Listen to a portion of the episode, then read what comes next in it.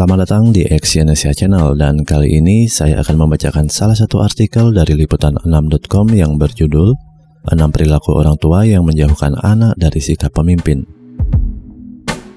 Sebagai orang tua, belajar untuk menjadi bijak dan menyayangi tidak selalu menjadi cara yang baik untuk melindungi buah hati. Justru hal ini bisa menahan anak-anak untuk berkembang, mendapatkan kebebasan dan segala potensi kepemimpinan yang dimilikinya. Dari pakar kepemimpinan Dr. Tim Elmore, ia mengatakan bahwa saat ini banyak orang tua yang gagal menjadikan anaknya sebagai seorang pemimpin. Dr. Tim Elmore pun memberitahukan hal-hal apa yang bisa menjauhkan anak dari sifat dan sikap pemimpin di perusahaan, bahkan di hidup mereka sendiri seperti yang dilansir dari Forbes.com. Yang pertama, tidak membiarkan anak-anak mengalami risiko pengalaman orang tua. Memberikan peringatan bagi anak-anak agar tidak mengalami kesalahan yang sama seperti orang tuanya memang hal yang baik. Namun jika terlalu sering, anak-anak justru akan memberikan efek buruk. Anak-anak merasa terisolasi dalam berperilaku, bahkan bisa saja menimbulkan sebuah fobia. Mereka gagal itu wajar, seperti mereka memiliki pacar dan kemudian putus. Hal ini akan menimbulkan kematangan emosi di diri mereka, yang kedua, terlalu menyelamatkan anak-anak.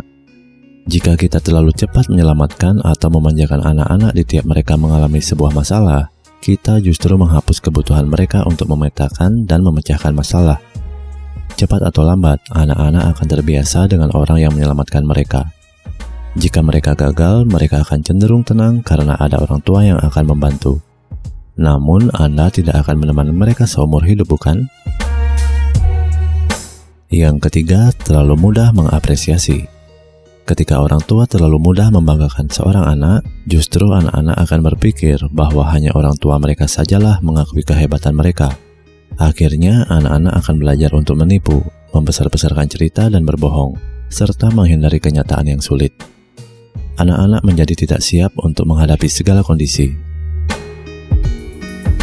Yang keempat, tidak berbagi cerita mengenai kesalahan masa lalu kita.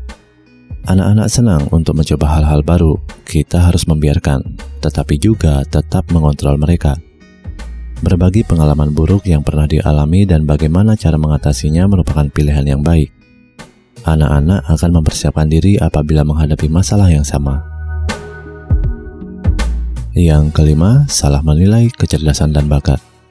Kerap kali, kecerdasan dinilai bisa menjadi tolok ukur kedewasaan anak, Hasilnya, orang tua menganggap anak cerdas adalah telah siap untuk memasuki dunia. Bintang Hollywood muda yang memiliki bakat luar biasa akhirnya terjebak dalam sebuah skandal publik. Anak memang harus diberikan kebebasan, tetapi mengamati dan mengontrol anak-anak tetap harus dilakukan. Yang keenam, tidak memberikan contoh. Orang tua memiliki tanggung jawab sebagai orang yang perilaku, gaya, dan sikapnya akan dicontoh oleh anak-anak. Mereka bertanggung jawab atas kata-kata dan tindakan mereka.